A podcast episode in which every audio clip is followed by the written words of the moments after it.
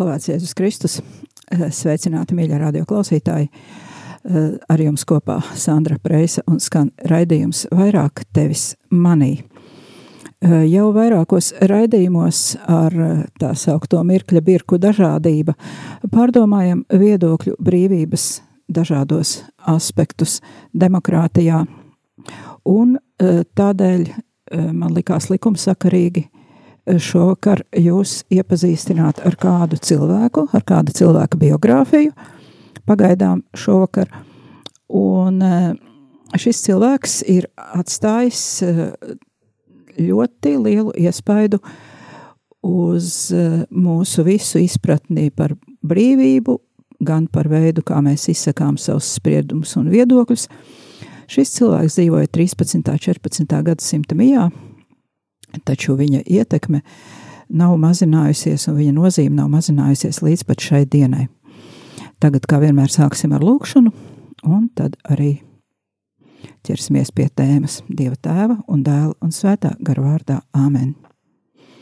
Tās mēs tevi lūdzam par mums pašiem. Mēs lūdzamies, lai mēs varētu labi saprast šodien to, ko pārdomāsim, lai tas neizskanētu tukšumā, bet uh, liktu mums varbūt atcerēties, pārdomāt un uh, pamanīt kādas sakarības, ko mēs redzam savā dzīvē. Lūdzamies tāpat arī šai koronavīrus laikā par visiem slimajiem. Lūdzamies, tevi tēvs apturi, ja gribi savā spēkā šo vīrusu, vīrusu izplatību, vai arī vismaz dod mums cilvēkiem saprast, kāds tad ir mērķis, ka, kas notiek un ko mums vajadzētu no tā visa mācīties. Lūdzamies arī par visiem slimajiem, lūdzamies par mirušo dvēselēm, un lai visu mūsu dzīvē tu, mīļais Dievs, tiktu paaugstināts gan mūsu darbos, gan mūsu vārdos, gan klusēšanā. Tēvs mūsu, kas esi debesīs, svētīts lai top tavs vārds, lai atnāk tava valstība, tavs prāts, lai notiek kā debesīs, tā arī virs zemes. Mūsu dienascho maizi dod mums šodien, un piedod mums mūsu parādus, kā arī mēs piedodam saviem parādniekiem, un neieved mūsu kārdināšanā, bet atpestī mūs no ļaunā. Āmen!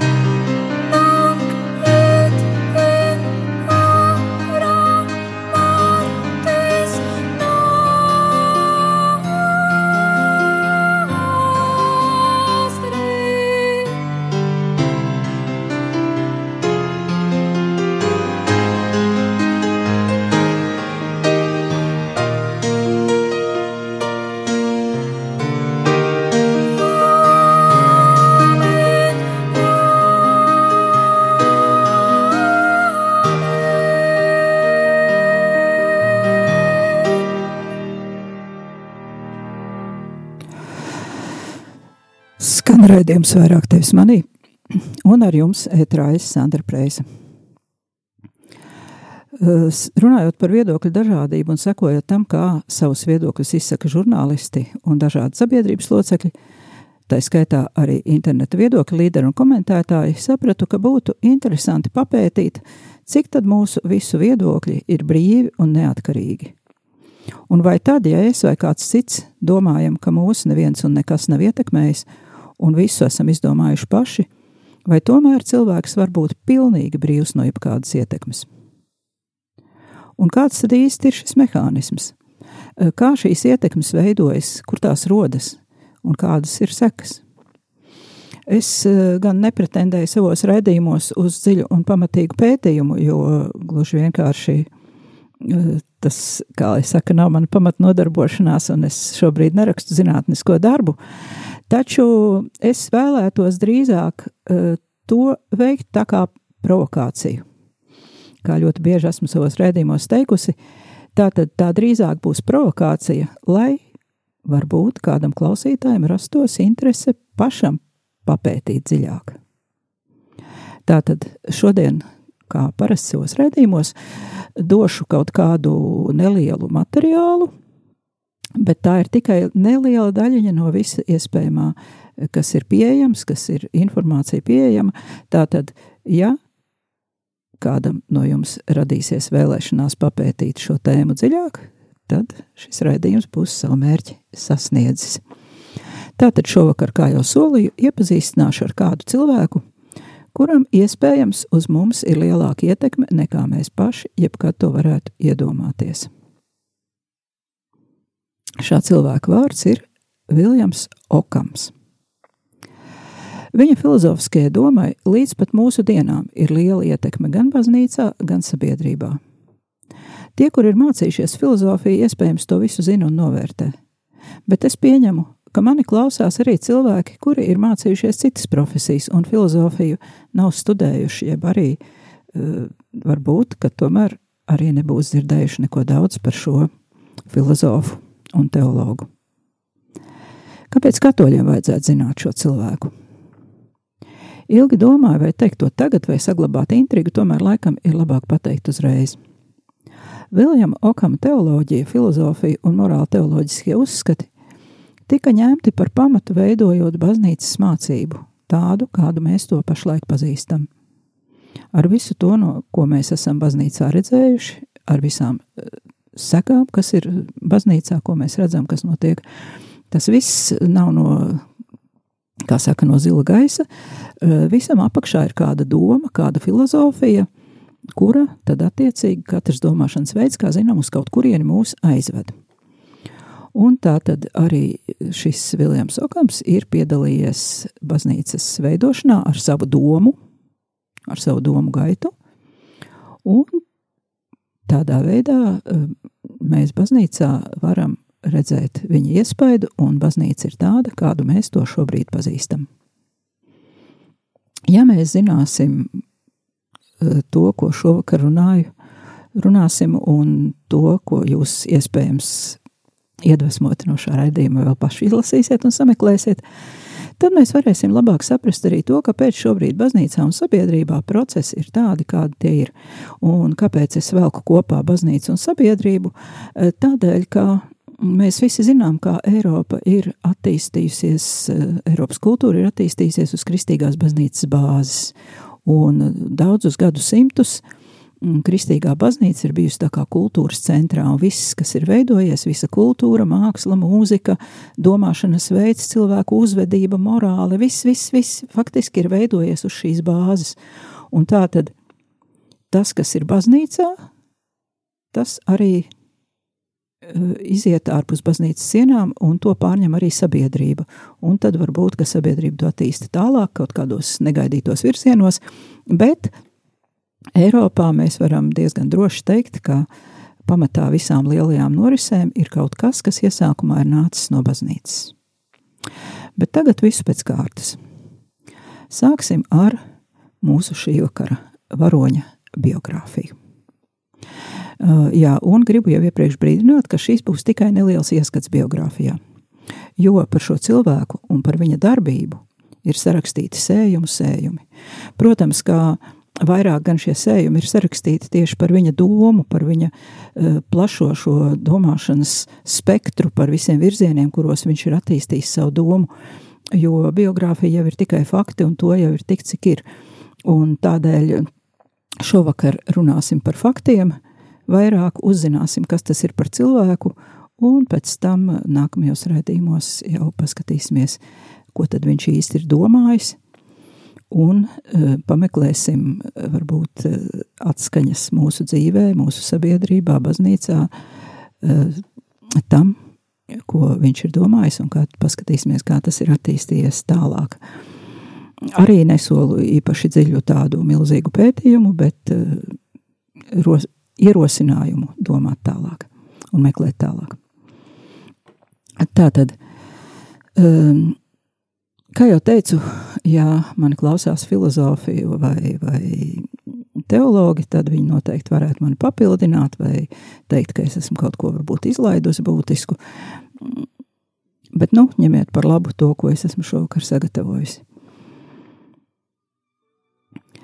Tā tad Viljams Ohams un viņa darbi ir bijis ļoti interesants pētījuma objekts filozofijas, teoloģijas un sabiedrisko zinātņu studentiem un pētniekiem daudzus gadsimtus un vēl joprojām.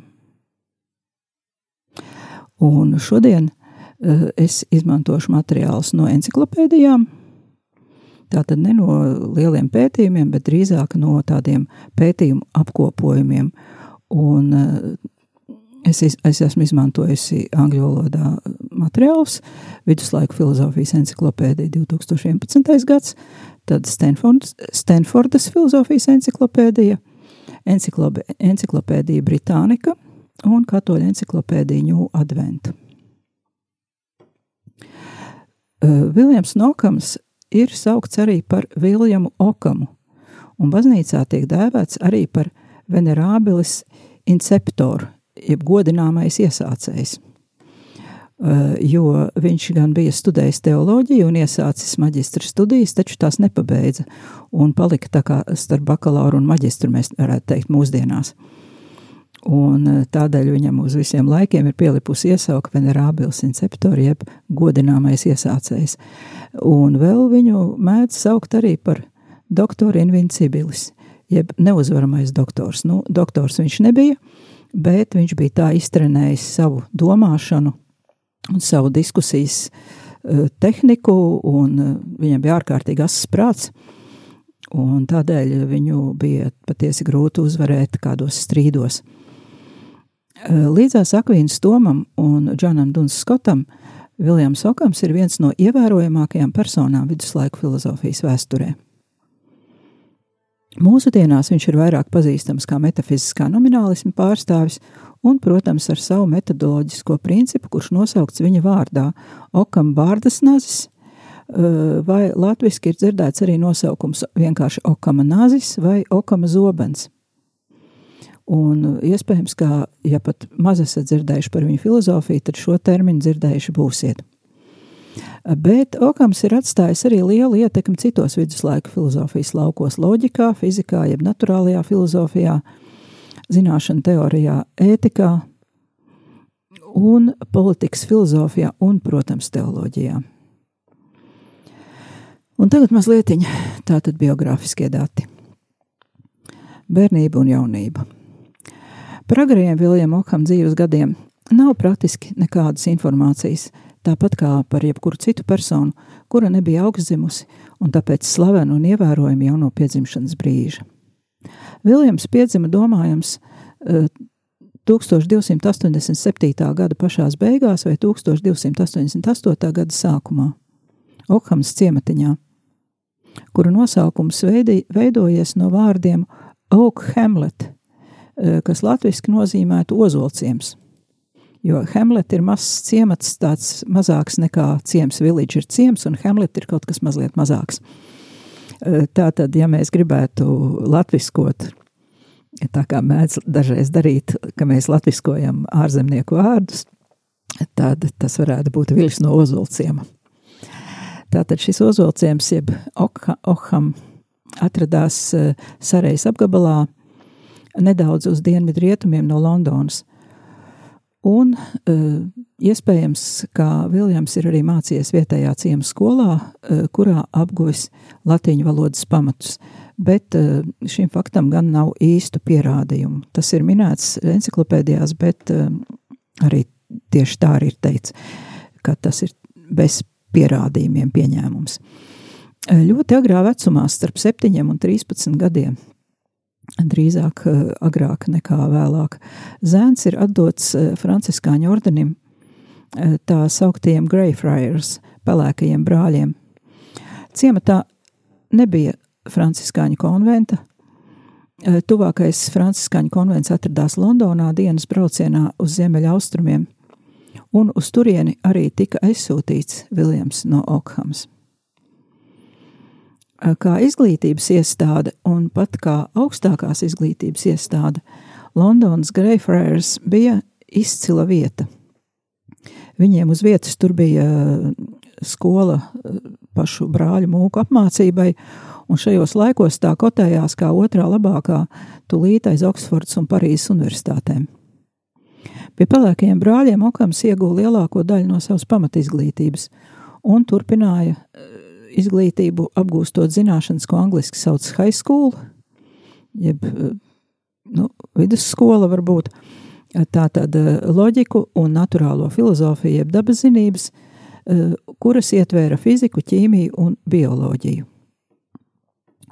Šos priekšmetus viņš sāka apgūt apmēram 14 gadu vecumā. Un gribu piebilst, ka arī mūsu dienās e, šos priekšmetus, fizika, ķīmija un bioloģija arī sāk apgūt apmēram tādā pašā laikā, ap 13, 14 gadiem. Tātad izglītības sistēmā nekas daudz nav mainījies. E, vienīgi loģiku, ko mācījās tajā laikā visās e, garīgajās skolās, visās klosteru skolās, loģiku gan vairs bērniem skolās nemāca, diemžēl. Citi avoti par Viljamu Okamu ka viņš būtu varējis mācīties arī Mērtona koledžā Oksfordā, un e, viņa skolotājs arī izteikt varbūti, varbūtību, ka, ja viņš ir mācījies šajā koledžā, e, viņa skolotājs varēja būt e, filozofs Džons Duns Skots. Ap 1310. gadu, kad viņam bija apmēram 23 gadi, Ohams sāka teoloģisku apmācību. Eh, arī nav noskaidrots īsti, kur notika šī apmācība. Tas varēja būt Londonas konventā vai Oksfordā, kur bija vēl viens ar universitāti saistīts franciskāņu klosters. Eh, un angļu avoti, tieši filozofijas enciklopēdijas, min, ka tā varētu būt un Oksfordas universitāte, eh, kurā Okams ir mācījies starp 1317 un 1319 gadu. Tātad teoloģiju viņš studēja vismaz trīs gadus, un tad uzsāka nepieciešamo divu gadu lekciju ciklu, komentējot Pētera Lombarda, sentences, kas šajā laikā bija standarta teoloģijas mācību grāmata. Katoļa enciklopēdija min, ka vismaz daļu no teoloģijas studijām Okams ir apguvis Parīzes universitātē. Ļoti iespējams, ka šī daļa ir tieši šīs, šī, šie divi gadi, kuros viņš studēja Pētera Lombarda sentences un mēģināja tātad iegūt šo te maģistra, ja meistara nosaukumu. Un šie te, šī katoļa enciklopēdija saka, ka viņš tiešām šo maģistru ir mācījies Parīzes universitātē, un iespējams, ka arī tur viņa skolotājs atkal ir bijis Duns Skots. Apmēram 1320. gadā Okams, vēl būdams maģistra grāda students, eh, kļuva par skolotāju, par maģistrantu Parīzes universitātē. Šajā karjeras daļā viņš sarakstīja arī savus darbus par Aristoteļa fizi fiziku un loģiku. Taču 1323. gadā viņš atkāpās no universitātes krēsla, lai pilnībā nodotos baznīcas politikai. Šajā laikā bija sāsinājušās pretrunas starp pāvestības aizstāvjiem un tiem, kas atbilst, atbalstīja pilsoniskās varas prasības, un Parīzes universitāte bija viens no polēmikas epicentriem. Un e, šajā laikā universitātēs jau bija diezgan daudz pasniedzēju, kuri nebija mūki vai priesteri, kuri bija laji, un uh, visas tā laika universitātes pamatā bija radušās uz kaut kādu klostera skolu bāzes. Bet pamazām laicizējušās, jo izglītoja lai cilvēkus, lai kļuvu par pasniedzējiem. Un tā tad radās šis konflikts arī universitātēs, kam tad tai universitātei jāpiedara vai valstī, vai viņai ir jābūt laicīgai mācību iestādē vai garīgai. Un eh, tā tad visas šīs te, visi šie strāvojumi tajā laikā sākās, un Okams arī izvēlējās pusi, kurā nostāties, un tā bija impēriskās partijas puse. Viņš sniedza savu pienesumu polēmiskajā literatūrā, sarakstot vairākas brošūras un traktātus, kurus gan viņš sarakstīja jau vēlāk, eh, un slavenākais no tiem ir 90 eh, dienu darbs, jeb opus nonaginta dierum, un arī eh, daži darbi par, to, par pāvesta, par pāvesta primātu, par to, vai pāvestam ir tiesības būt eh, ar, tādu, ar tādām tiesībām, kādas viņam ir. Un viens no viņa traktātiem bija Compendium Erorum Joannis Pape, eh, tas respektīvi pāvesta Jāņa 22. kļūdu kompendijs. Un vēl viens darbs bija, kurš eh, tulkojumā sauktos astoņi jautājumi par augstākā pontifika autoritāti. Lūk, tā tad redzam, ka universitātes laikos Okams eh, tā kā sacēlās pret eh, baznīcā pastāvošo kārtību, pret baznīcā pastāvošiem likumiem un kļuva, kā dažās, dažos avotos viņi sauc, nu pēdiņās, protams, liekot par pirmo protestantu. Tagad mazliet pauzīte, un tad turpināsim. Skan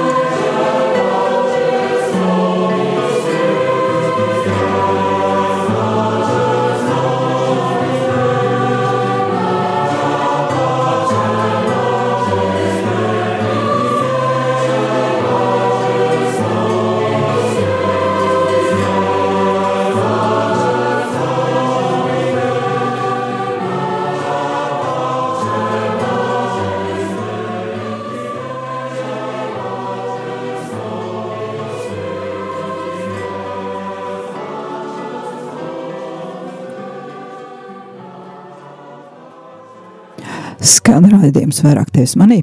Runājam par Viljamu Okamu, filozofu, par viņa biogrāfiju. Un tagad turpinam.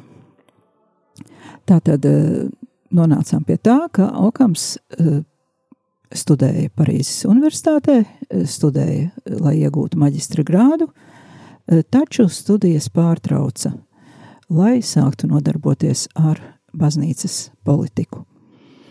Un iespējams, ka 1321. gads tas bija, kad Okams atgriezās Londonā pie saviem brāļiem uz konventu pie Greyfriars, kur arī palika. Lai gan viņš bija iesācis mācības teoloģijas programmā, Okams šo programmu nepabeidza un arī nekad nekļuva pilnībā kvalificēts teoloģijas meistars, jeb maģistrs. Neskatoties uz to, Londonas Greifrērs bija intelektuāli dzīva vieta, un Ohams nekādā ziņā nebija izolēts no karstām akadēmiskajām polēmikām. Starp viņa mājiniekiem, starp brāļiem, ar ko viņš kopā dzīvoja, bija arī divi citi nozīmīgi tā laika franciskāņu domātāji - Valters Četons un Adams Vodehams. Viņi abi asi kritizēja Okham uzskatus, un šajā kontekstā Okhams uzrakstīja daudzus no saviem svarīgākiem filozofiskiem un teoloģiskiem darbiem, jo viņš gluži vienkārši iedvesmojās no šiem disputiem ar brāļiem. 1200, 1323. gadā Okhams tika izsaukts uz Franciskāņu ordeņa provinces kapitulu, kas tajā gadā notika Bristolē, lai brāļi priekšā aizstāvētu savus uzskatus, kurus daži viņa kopienas brāļi vērtēja ar lielām aizdomām. Apmēram tajā pašā laikā iespējams, kā, kāds cilvēks, iespējams, ka tas bija Džons Laterels, Oksfordas Universitātes bijušais kanclers, devās no Anglijas uz pāvests tiesu Aviņonā un apsūdzēja Okham par ķecerības mācīšanu. Rezultātā tika izveidota teologa komisija, kas izpētīja šo gadījumu. Un, lai atbildētu uz apsūdzībām, Okhams tika izsaukts uz Aviņonu, un 1324. gada maijā viņš devās uz turieni. Un kopš šā laika viņš vairs nekad neatgriezās Anglijā. Aviņonā Okams atkal satika Džonu Luterelu, un traktātā, kas bija adresēts pāvestam Jānim 22. bijušais Oksfordas kanclers, nosodīja Okam mācību par nosodīja Okam mācību, izvelkot no šīs mācības 56 priekšlikumus, par kuriem viņš, kurus viņš uzskatīja par nopietnām kļūdām vai herēzēm. Eh, pēc tam Luterāls kļuva par sešu teologu komisijas locekli, kas sagatavoja divus secīgus ziņojumus, pamatojoties uz Okham komentāru fragmentiem, no kuriem uh, otrais ziņojums bija kritiskāks nekā pirmais. Uh, tomēr Ohams pāvestam uzrādīja vēl vienu uh, savu darbu eksemplāru, kurā viņš bija izdarījis dažus labojumus. Un rezultātā viņš tomēr netika nosodīts eh, par viņa mācību. Eh, viņš nekad nesaņēma oficiālu nosodījumu, eh, būtu ar, kurš būtu izteikts ar pāvesta bullu un pāvesta parakstu. Un tādēļ arī, kā saka, viņš nav tā kā pilnībā izslēgts no baznīcas nekad bijis, jo, mm, pilnī, jo par viņu, par viņa šīm te herēzēm, par viņa no māc, mācības novirzēm, eh, nav pāvesta bulla, kuru būtu parakstījis pāvests un eh, teologu komisijas sastāvs. Atrodoties Aviņonā, Okams palika tur esošajā franciskāņu klosterī, un dažreiz tiek runāts par to, ka viņam it kā tika piemērots mājas arests, eh, taču ir avoti, kuri saka, ka tas tomēr esot pārspīlēti, bet ka gluži pretēji, ka viņš ir varējis brīvi rīkoties ar savu laiku, vairāk vai mazāk pēc saviem ieskatiem. Un, lai gan viņam, protams, bija jābūt klāt acu priekšā, viņš nekur nedrīkstēja doties prom no turienes. Ja izmeklēšanas komisija vēlētos viņu iztaujāt par viņa rakstiem, tomēr viņam bija pietiekami daudz laika, lai arī rakstītu savus darbus. Un var secināt, ka pati izmeklēšana acīm redzot neprasīja daudz paša Okham laika. Uh, var secināt arī, to var secināt arī pēc tā, kā tieši Aviņonā Okhams pabeidz savu pēdējo lielāko teoloģisko darbu, Kvodi Libets. Šis darbs bija par vingrināšanos teoloģiskajā un filozofiskajā diskusijā. Un tā tad uh, lai gan eh, Okhama darbi eh, tika ļoti rūpīgi izmeklēti attiecībā uz herēzēm, eh, tomēr viņš nekad netika nosodīts kā ķeceris. 1327. gadā, kamēr Okams arī bija Aviņonā, tur vēl ieradās arī franciskāņu ģenerāla maģistrs, ordeņa galvenā administratīvā amatpersone Mihails no Čezēnas, jeb Maikls no Čezēnas. Viņa eh, gadījumā eh, viņš, viņš bija atbraucis izpētīt, eh, izrunāt ar pāvestu kādu konceptu, jo bija radušās domstarpības starp Franciskāņu ordeni un patreizējo tā laika pāvesti Jānu 22. par to, ko nozīmē apustuliskā nabadzība. Jo Franciskāņu ordenis uzskatīja, ka Jēzum un apustuļiem nav nekāda īpašuma, un viņi, ubagojušie franciskāņi, staigāja apkārt ubagojot un dzīvojot no citu dāsnuma, atdarinot Jēzu šajā aspektā. Un franciskāņi uzskatīja piekrist šim viedoklim un apgalvoja, ka viņu pašu prakse ir īpaša Kristus sadarināšanas forma, taču pāvests Jānis 22. šo doktrīnu noraidīja.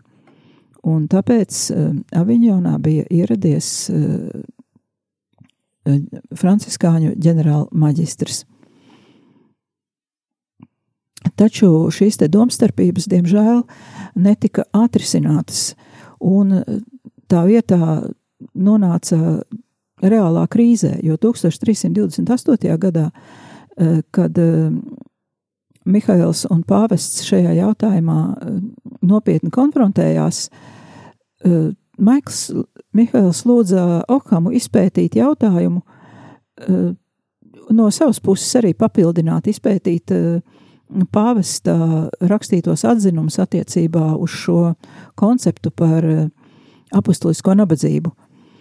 Un Okhams pētot šo Jāņa 22. rakstu, iespējams nedaudz pārsteidzās, nonākot pie secinājuma, ka pāvesta uzskats ir ne tikai nepareizs, bet arī ķecerīgs. Un turklāt ķecerība bija ne tikai nevis vienkārši tāda godīga cilvēciska kļūda, bet tas bija spītīgi ķecerīgs skats, kuru Jānis uzturēja arī pēc tam, kad viņam tas tika parādīts kā nepareizs. Rezultātā pēc Okhama domām pāvests Jānis ne tikai mācīja ķecerību, bet arī pats bija ķeceris, viss tiešākajā vārda nozīmē. Un šī te strīda karstumā viņš faktiski atteicās no pāvesta, jo viņš paziņoja, ka pāvests Jānis 22. vispār nav nekāds pāvests. Un pēc šāda konflikta bija pilnīgi skaidrs, ka Okams nonāks kaut kādā ļoti, teiksim, neērtā situācijā attiecībā uz pāvestu, attiecībā uz baznīcu, un lai gan viņš netika pasludināts par ķeceri, viņš noteikti vairs arī nebija pāvesta draugs. Un atrašanās Aviņonā Okhamam bija kļuvusi visnotaļ nepanesama, un tādēļ viņš kopā ar savu ģenerālu vikāru Cezenes Maiku 1328. gada 26. māja naktī bēga prom no Aviņonas un devās trimdā. Viņiem pievienojās vairāk franciskāņu brāļi, kuri bija viņu domu biedri. Viņiem izdevās aizbēgt un patvērties Bavārijas Ludvika galmā.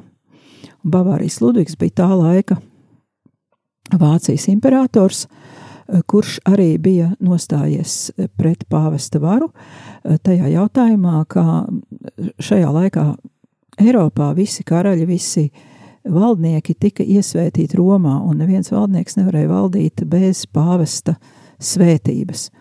Un lūk, šis Bavārijas Ludvigs, ja Bavārijas Ludvigs iestājās pret šo principu un uzskatīja, ka varu var paņemt arī bez pāvesta svētības, un arī viņš bija nopietni sastrīdējies ar pāvestu. Sākotnēji visa šī komanda, gan Bavārijas Ludvigs, gan Okhams un visi pārējie bēgļi dzīvoja Pizā, jo tajā laikā tur atradās arī imperators Bavārijas Ludvigs kopā ar savu galmu un svītu – un šajā laikā viņš vēl saucās Svētās Romas imperators Bavārijas Ludvigs. Taču sakarā ar to, ka viņš iesaistījās politiskā strīdā ar, par pāvestību, un arī Okhama grupa atrada pat, patvērumu pie viņa, viņiem nācās doties prom uz Vāciju. Un tieši imperatoram Ludvikam, Ohams izteica savu tādu diezgan lepnības pilnu piedāvājumu. Tu man aizstāvēsi ar zobenu, un es tevi aizstāvēšu ar spalvu. Rezultātā, visu šo konfliktu rezultātā 1328. gada 6. jūnijā Okhams tika oficiāli ekskomunicēts. Un par iemeslu šai ekskomunikācijai, kā saka, par pēdējo pilienu, bija fakts, ka viņš atstāja Aviņonu bez atļaujas. Respektīvi, ka viņš nepieteicās pāvestam, ka viņš dodas prom, bet viņš vienkārši ar saviem dombiedriem kopā bēga. Ap 1329. gadu Ludvigs atgriezās Minhenē kopā ar Okhamu un pārējo bēgļu grupu. Okhams palika Vācijā, nu, tagadējā Vācijas teritorijā, teiksim, Bavārijā vai jebkurā gadījumā tajos apgabalos, kurus kontrolēja uh, impērija, un tur viņš nodzīvoja līdz pat savai nāvei un šajā laikā Okhams rakstīja tikai par politiskiem jautājumiem. Viņš nomira naktī no 1347. gada 9. Uz 10. aprīli, aptuveni 60 gadu vecumā. Lūk, tāds ir stāsts par Viljamu Okamu. Tie ir tādi viņa biogrāfijas fakti, kuri ir nu, puslīdz droši, teiksim, jo par gadu skaitļiem daudziem ir dažādi, dažādi ziņas, jo nav, nav īsti precīzi zināms, kas tad tur eh, un tieši kurā brīdī notika. Tātad tā būtu tāda īsa biogrāfija, bet eh, jāsaka, jūs pareizi sadzirdējāt, ka Okhams, bija, Okhams tika ekskomunicēts, tātad izslēgts no baznīcas, no baznīcas vienības no komunijas. Uh, un tad rodas dabisks jautājums, kā tad varēja notikt, ka viņa iespējas baznīcas mācībā bija liels un paliekošs, kā es minēju iepriekš. Un arī jautājums paliek atklāts tieši kādos jautājumos izpaudās viņa iespējas. Un lūk, šos, šo mēs varēsim izskatīt tad nākamajā raidījumā. Man ir daži cilvēki, kas arī ļoti labi orientējas šajos jautājumos, bet es nezinu, vai viņi piekritīs mm, pievienoties raidījumā. Nu, ja nē, tad es cīnīšos pati. Un eh, tā tad nākamajā raidījumā eh, paskatīsimies, kāda tad bija Viljama Okama filozofija un kas ir tās lietas, kuras tad ir atstājušas šo lielo iespaidu baznīcā un kuras lietas vēl joprojām ir interesantas eh, cilvēkiem, kuri pētīja filozofiju, loģiku, politiku un kritisko domāšanu. Un jāpiebilst arī, ka Katoļu baznīca Okam uzskata par tādu kontroversālu, pretrunīgu autoru, jo, eh, lai gan viņš tika ekskomunicēts, tomēr eh, bija daudz jautājumi, kuros viņš arī nu, nenostājās pret baznīcu, kur viņa domas sakrita, Un eh, tādēļ nu, nevar teikt, ka nekas no viņa mantojuma nevarēja būt izmantojams. Un no tā arī izriet šis fakts, ka viņa mantojums ir izmantots baznīcā, un tā tad par to nākamajā reizē. Paldies, ka klausījāties! Tas bija raidījums vairāk tevis manī, Sandra Preisa, un šodien pārunājām filozofa un teologa Viljama Okama biogrāfiju.